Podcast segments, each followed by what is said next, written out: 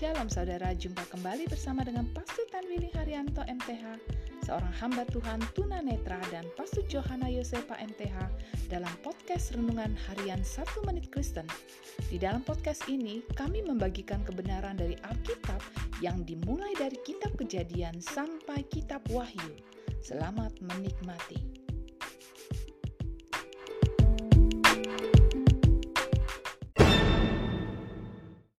Shalom saudara berharga mata Tuhan, senang dapat jumpa dengan saudara.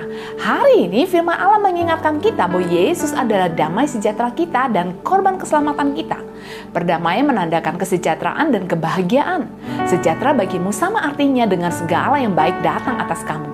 Demikianlah korban keselamatan dipersembahkan. Melalui permohonan atau permintaan akan kebaikan yang diinginkan dan diharapkan jika seseorang mengejar atau mengharapkan belas kasihan, ia akan menyokong doanya itu dengan korban keselamatan dan mungkin juga memanjatkan doanya sambil meletakkan tangannya di ke atas kepala hewan korbannya. Saudaraku, ingatlah, Kristus merupakan damai sejahtera kita dan korban keselamatan kita. Sebab hanya melalui dialah kita dapat berharap memperoleh belas kasihan dan damai sebagai jawaban atas doa-doa kita. Sebab firman Allah mengatakan, damai sejahteraku tinggalkan bagimu, damai sejahteraku kuberikan kepadamu, dan apa yang kuberikan ke tidak seperti yang diberikan oleh dunia kepadamu.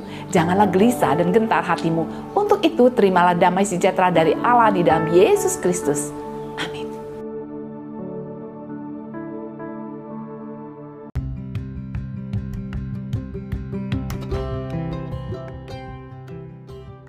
Kasih saudara telah mengikuti podcast Renungan Harian 1 Menit Kristen.